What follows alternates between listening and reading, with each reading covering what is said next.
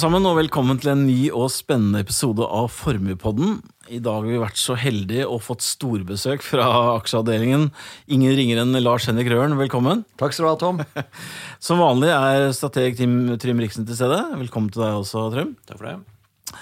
Um, ettersom vi har uh, Lars på besøk, så har vi på en måte fått lov til å gå litt utenom det normale manuset, hvor vi snakker om markedsbrød. Så i dag skal vi snakke litt mer om uh, hva som rører seg i markedet. Det er ingen tvil om at vi har hatt en litt urolig periode nå den seneste tiden. og og gå inn på de tingene som har preget markedet den siste tiden. og da eh, de, de tingene, Hovedpunkten, den røde linjen i dagens tema, er vi skal snakke om koronaviruset, som er vanskelig å ikke komme innom. Vi skal snakke litt om den rekordsvake kronen. Og så skal vi forhåpentligvis skal vi få tid til å komme, snakke litt om dette med den trenden som har preget markedet de siste tiårene, dette med at verdiaksjer og mot uh, vekstaksjer skal komme inn på. Så da tenkte jeg at vi bare setter i gang.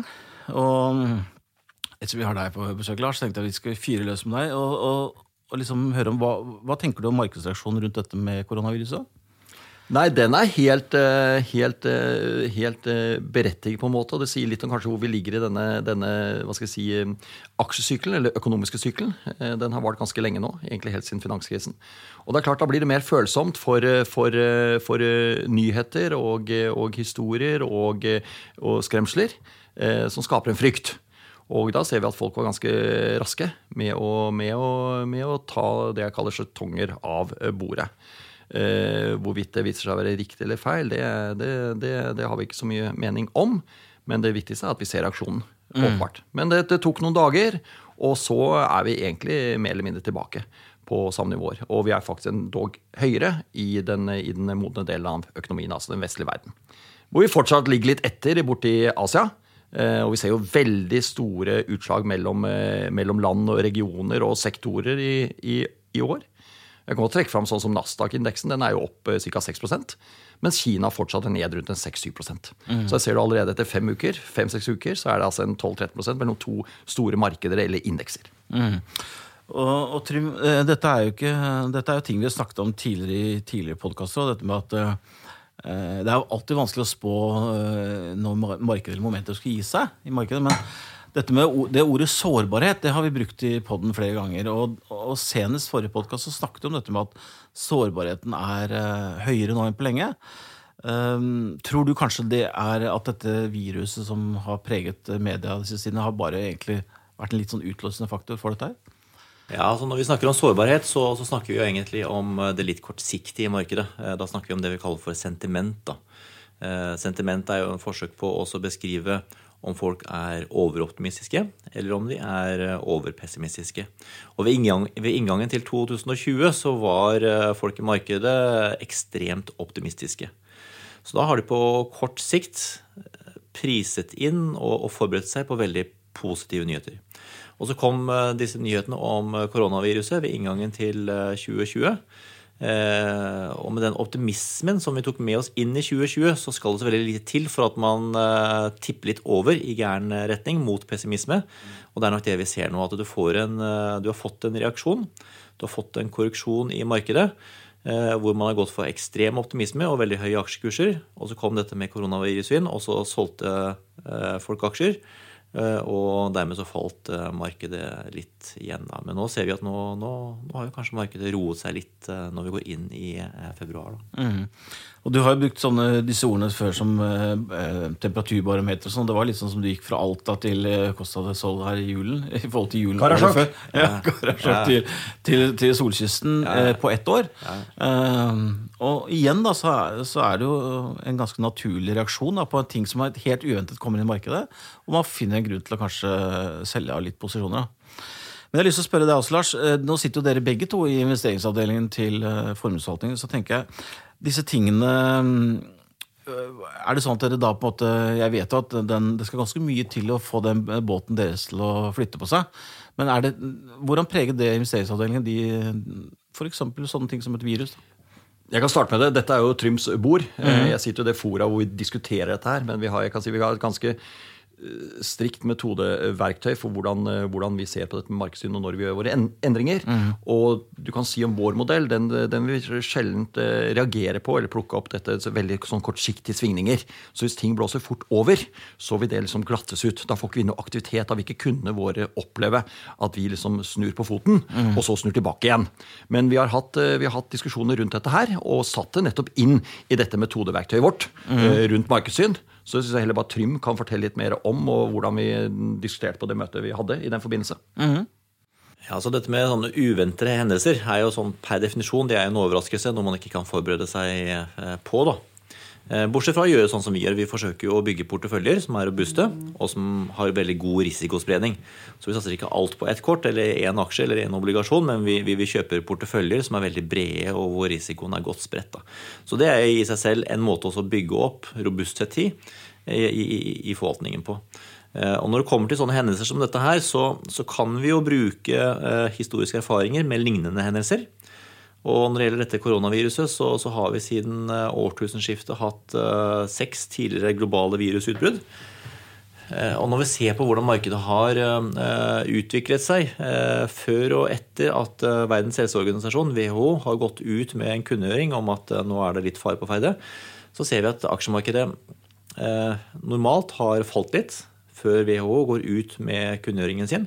Men etter at WHO har gått ut med kunngjøringen sin, så har vi de seks tidligere tilfellene med globale virusutbrudd sett at markedet har, eh, har begynt å stige igjen. Og det gjenspeiler nok det at eh, Så også denne gangen, Trym? Ja, også denne gangen. Kan det mm. virke at det liksom følger dette her eh, mønsteret. Altså det blir liksom sju og sju ganger, kanskje. Eh, og, og, det ligger litt i sakens natur at WHO eh, de må jo eh, ikke ikke være for tidlig ute, sånn at de kan bli anklaget for å rope ulv, ulv og skape uro. ikke sant? På den annen side så kan de heller ikke bli anklaget for å sette liv og samfunn i fare ved å være for trege. Eh, men det ligger da litt i sakens natur at markedet, som er mye mer opportunistisk, priser inn negative nyheter eh, lenge før WHO eh, kommer ut med sånne kunngjøringer. Og Derfor er det kanskje normalt det vi har sett, at aksjemarkedet har, når det er alvorlige ting altså Dette med koronaviruset, det er jo alvorlig. Mm. Ingen tvil om det. Og når det er alvorlige ting som, som uh, legger en demper på, på, på, på, kursen, så ser vi at markedet uh, faller litt. Uh, men så kan det virke som om at fordi at dommedag da ikke har skjedd ennå, så, så, så, så, virker det som at når WHO kommer med disse kunngjøringene, så har mye av det negative blitt prist inn, og så begynner markedet å stige litt på nytt igjen. Mm. Du, Før vi skal gå videre, så har jeg lyst til å stille et spørsmål Lars, som jeg vet at uh, sikkert ikke bare meg, men også noen av lytterne lurer på. Når, når, du, når du, får sånne uventede hendelser så Det har, vært ganske, det har vært flere av de, de siste åra. Vi har jo hatt handelskrig, det har vært brexit, nå var det sånn uventet det med korona. Hvordan uh, Er det sånn at eh, da investeringsavdelingen treffes oftere, eller er det sånn at da går dere inn i noen slags nødmodus? Kan ikke du fortelle litt om hvordan dere liksom Nei, rammeverket er lagt opp på det? Ja, nei, For å videreføre det, så hadde vi Trym kalte det egentlig bare inn til et, til et møte. Vi kan godt kalle det litt sånn ekstraordinært mm. magasinmøte, hvor vi hadde dette på tema. Da sitter vi en, en håndfull sammen mm. og diskuterer. Og, og, på en måte konkluderer. Og da konkluderer vi mye av den, den, den linjen som nå Trym uh, summerte opp. Mm. Det skal mye til at vi skaper en sånn aktivitet hvor vi ikke vet egentlig bakgrunnen for hvorfor vi gjør det. Dette har altså ennå ikke slått ut i noen økonomiske indikatorer. Slike ting. Det eneste vi har sett, er jo egentlig bare at børsen har blitt litt billigere. Mm. Uten at egentlig de, de, de, de metoden eller de faktorene vi lener oss på, har endret seg. egentlig. Vi ser at sentimentet er blitt litt dårligere. og mm. slike ting. Men det betyr at neste gang det, når det er blitt dårligere, så er det jo, så er det jo, så er det du kortere tid til det eventuelt blir veldig dårlig. og Da skal vi snu igjen, for når sentimentet er dårlig, da skal du kjøpe aksjer, mm. sier vi. Vi er mm. omvendt. Vi, skal, vi har det som en, et salgssignal når sentimentet er for høyt. Mm. Og det er der vi har vært. Så vi har sett litt negativt på det høye sentimentet. Mm. Nå fikk vi kanskje sentimentet litt ned, ikke sant? Mm. så har vi nærmest det hvor det blir en positiv faktor for oss. Mm. Så alt dette går vi gjennom, og besluttet da at uh, i, dette, i dette, dette, lille rådet vårt her at, uh, at uh, vi ikke skulle gjøre noen endringer. Og i etterkant har det vist seg veldig, veldig sånn sett riktig mm. at man ikke panikkerte. Jeg var selv fortaler for at det er farlig å ligge nøytral i en sånn situasjon som er vårt markedssyn nå. Mm. Liksom, dette kan gå helt gærent. Eller så kommer det recover det, altså kommer raskt tilbake igjen. Og det er mer sett, Så liksom, eh, men det er ikke noe, det er, det er ikke noe fasitsvar her. Det viktigste er at vi tar det på agendaen, og vi diskuterer det. Vi er fagfolk, og her får vi fra alle synsvinkler. Vi er fem-seks fem-seks forskjellige personer. Og eh, dette blir godt diskutert. Så her ligger vi ikke tilbake for noen andre eh, som sitter. Vi er en fin, stor gruppe og tar dette på alvor. Men valgte altså egentlig på en måte å sitte stille i båten inntil videre. Og Bra. det var riktig. Very good. Ehm, vi har jo et litt sånn tilbakevendende tema, dette med den svake norske krone. Men uh, Trym, eh, nå, nå har vi vel Vi var vel innom ja, Om ikke all time low, det var vel ikke, men uh, mye av avkastningen de tidene har jo kommet på rett og slett en svake krone. Det, der vet jeg at dere begge har et syn på hvordan dette med formuer og formuesforvaltning også sn- snakker med kundene sine om dette her. Så Trym, kan ikke du snakke litt om hva som har skjedd med selvsiden på kronen? Ja, altså Kronen mot, eh, mot dollar for eksempel, eh, har jo svekket seg 5% og Det er en stor eh, svekkelse i løpet av én måned. Og, og Når kronen svekker seg så mye, så øker jo verdien målt i kroner av utenlandske aksjeinvesteringer. Så selv om aksjemarkedet eh, falt bitte litt i, i, i januar, så førte da den svakere kronen til at du fikk en positiv eh, utvikling målt i norske kroner. Eh, og nå er eh, den norske kronen er rekordsvak mot dollar og mot euro og mange andre eh, valutaer. Og vi har jo diskutert tidligere hvorfor har det blitt sånn. Og det kan jo virke som om at eh, eh, 2019 var det store Greta Thunberg-året, eller hva man skal kalle det. Hvor dette med klima kom tungt inn på agendaen. Altså alt som lukter litt av sånn gammel fossil eh, energi, som Norge er fullt av, Det blir upopulært. Eh, Og vi ser da at energiaksjer har blitt eh, kjempebillig i forhold til eh, mange aksjer.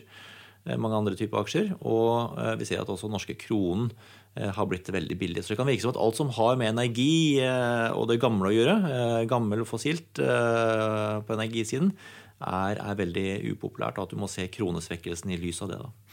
Dette er jo også et uh, syn som dere har litt uh, i, i grunntankene, Lars. Det er ikke sånn at dere nødvendigvis går ut og anbefaler sterkt at man ikke skal eie norske kroner, men uh, du har vært inne på dette med at, hvor lite Oslo Børs egentlig betyr for det globale markedet.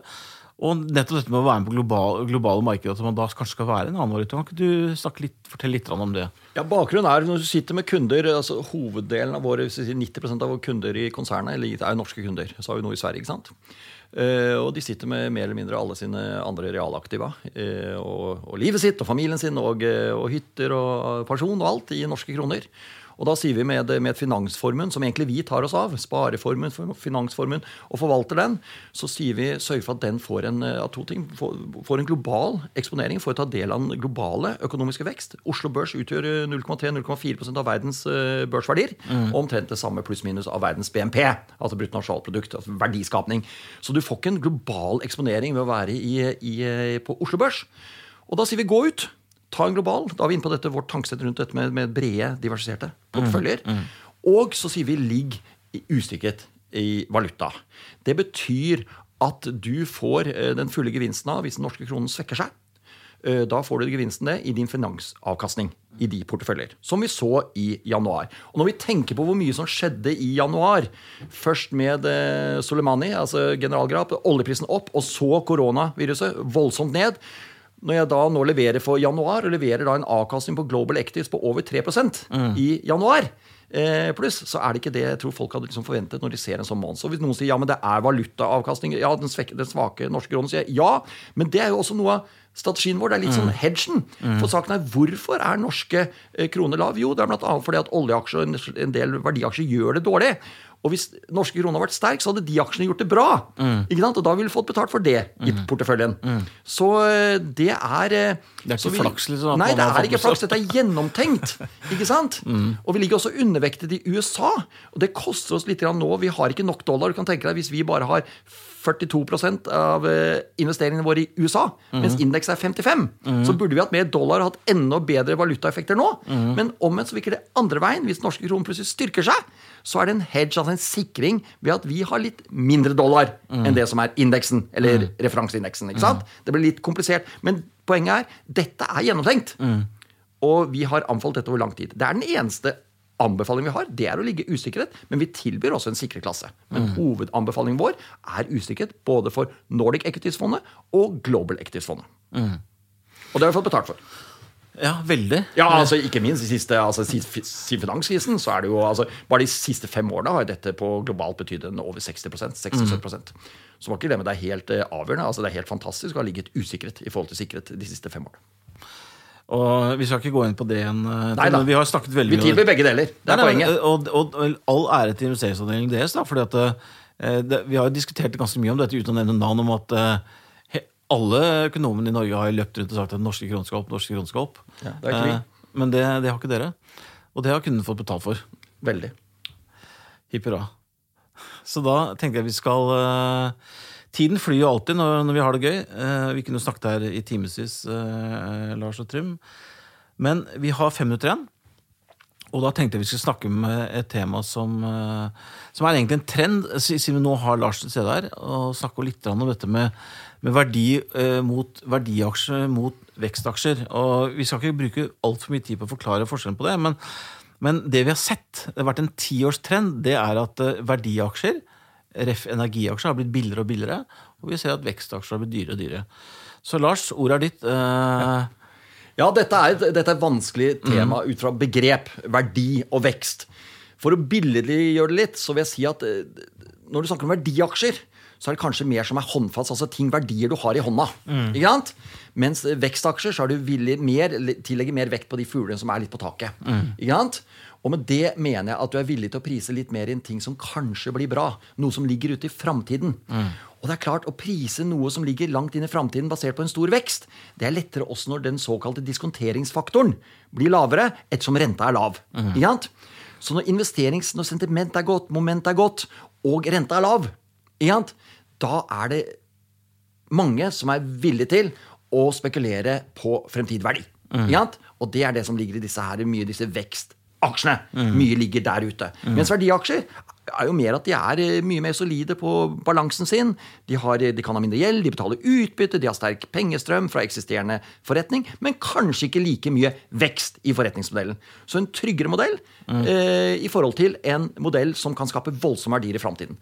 Og sagt, markedet har de seneste ti årene alt i alt vært villig til å gå for disse her vekstaksjene. Sant? Og det har noe med Vi har vært overvekt av sterkt moment og overvekt av godt sentiment og denne lave renten. Og den har blitt lavere og lavere. Og det har bare gjort at liksom på en måte det har blitt mer og mer, det har lønt seg mer og mer å ta den sjansen da, for å kjøpe verdier og vekst fra, i, ut i framtiden. ikke sant? Så det er egentlig store forskjellen. Normalt ser vi dette over 100 år, så har jo eh, verdi vært best. Mm? Fundamentale slår som regel Ikke sant? Men disse ti årene så har ikke dette virket. Og da er spørsmålet når virker dette igjen? For det er blitt et stort gap mellom vekstaksjer, som har fått en voldsom høy prising, hvis vi kaller dem sånne multiple- eller PE-begrep, ikke sant? og så har det kommet en haug av verdiaksjer, gode aksjer, som ikke er lavpriset. Og vi ser det også mellom land, mellom sektorer. Det er jo teknologisektoren, denne vekstsektoren som har virkelig gått til, mens en del materialer, eh, vi kan ta kraftforsyning, energiaksjer, eh, slike ting, helse, det er blitt billigere, relativt sett. Så da er vi inne på dette her at eh, når er det dette utjevner seg igjen? For det er jo noe som sier at liksom, fundamentale forhold, altså fundamentals always win til slutt. Fundamentale forhold vinner til sist. Og pengestrøm, altså cashflow, lyver aldri. Så hvis selskapet genererer cashflow over tid, som mange av disse verdiaksjene gjør, så, så må det betale seg til slutt. Har du noen tanker om hva, eh, hva som kan eventuelt eh, få denne dreiningen? At er det, må vi få rentene opp? Eller Ja, det som er altså, den umiddelbare å se på, er igjen den tekniske faktoren med renta. For hvis renta plutselig kommer overraskende At renta går opp, det gjør ikke noe. Det spørs hva man forventer. Hva ligger prist i markedet? Hvis vi nå sier at vi hadde fått en rask renteomgang à la den som kom i fjerde kvartal 2018, så kommer den som et sjokk. Og det er klart, Da angriper det veldig mye disse vekstaksjene. For da blir det dyrere og vanskelig å diskontere eller forklare disse diskonterte pengestrømmene fra fremtidig inntjening ned til i dag. ikke sant? Og da, da kan det være et sånn utløsende sjokk. Så det er, eh, Men det er ikke noe ellers noen som sier at dette toget skal stoppe på kort sikt. Nei. Eh, Men vi, får, vi har jo sett det nå faktisk at det er jo selv i år, med uroligheter, så er det jo teknologi. Og merkelig nok også kraftforsyning, da, altså utility-sektoren, som har gått best. Skulle ikke tro det, men teknologi har fortsatt opp. Jeg nevnte i stad Nasdaq, den vekst- og teknologitunge indeksen, er opp 6% i år. Mm. Og er vinnerindeksen igjen. Var vinnerindeksen i fjor av de store? Så det er, det er et tog som fortsetter litt. Og eh, USA er jo det landet som også drar på. Igjen ser vi at USA leder an. Hovedindeksen der, også i store brev med Dow Jones og SMP, vi snakker 3% opp i år. Så det fortsetter. Trym? Ja, altså Momentum er, er, positivt. Eh, de trendene som har vært her nå ganske lenge, eh, de fortsetter. Så momentum, eller trøkk, altså det bare fortsetter. Du får mer av det samme, i stedet for at du får en sånn uh, revers til det motsatte. Da. Så kan vi konkludere med å si at uh, båten til formuesvalgten den tikker og går riktig vei. Skal vi kunne konkludere med det, Trym? Ja, jeg vil si det sånn. Altså, hvis jeg kan si det, altså, vi, vi, henger, vi, henger, bra med oppover. Mm. Vi, når markedene, Jeg har sagt til våre kunder og også internt at hvis markedet blir sinnssykt bra igjen, det betyr at vi får en langt over normalavkastning, så, så, så kan vi gi fra oss noe relativt sett. Det er planlagt, det er forberedt. Mm. Men vi gir en veldig bra absolutt avkastning. Vi må ikke bare se på relativt, vi må se på den absolutte risikoen og absolutte avkastningen. Mm. Og det er bra. Selv om vi ligger litt bak i januar, så er det formidable tall oppover. Der vi er i sykelen nå, mm. etter ti år med oppgang. Vi har bare hatt 2018 med negativ utvikling. Resten har vært plussmåneder. Mm. Eller plussår, så vidt jeg husker. Så liksom, det, vi må liksom være litt edruelige her. Mm. Men det vi skal gjøre, vår modell, den kan i hvert fall være trygg på hvis ting blir ordentlig dårlig, så skjermer den deg på nedsiden og begrenser fallet samlet sett. Hvis folk følger vår anbefalte portefølje. Altså, ak ak akkurat nå så har jo vår modellporteføljer aldri vært høyere. Så det betyr jo at uh, våre kunder som følger uh, rådene våre til punkt og prikke, har aldri, har, har aldri, hatt mer penger enn akkurat nå. Jeg syns det var ganske fine ord å avslutte med. Så sier jeg uh, tusen takk til deg, Lars. Jeg vet at uh, du er en opp opptatt mann i, og løper rundt og snakker med forvaltere døgnet rundt, så å få deg hit, det, Passion, det, det, er ikke, det, er ikke, så lett. Da vi håper å se deg igjen om kanskje et halvt års tid. Takk til deg igjen, Trym. Og så, kjære lyttere, vi ses igjen om en måned. Ha det bra. Ouais.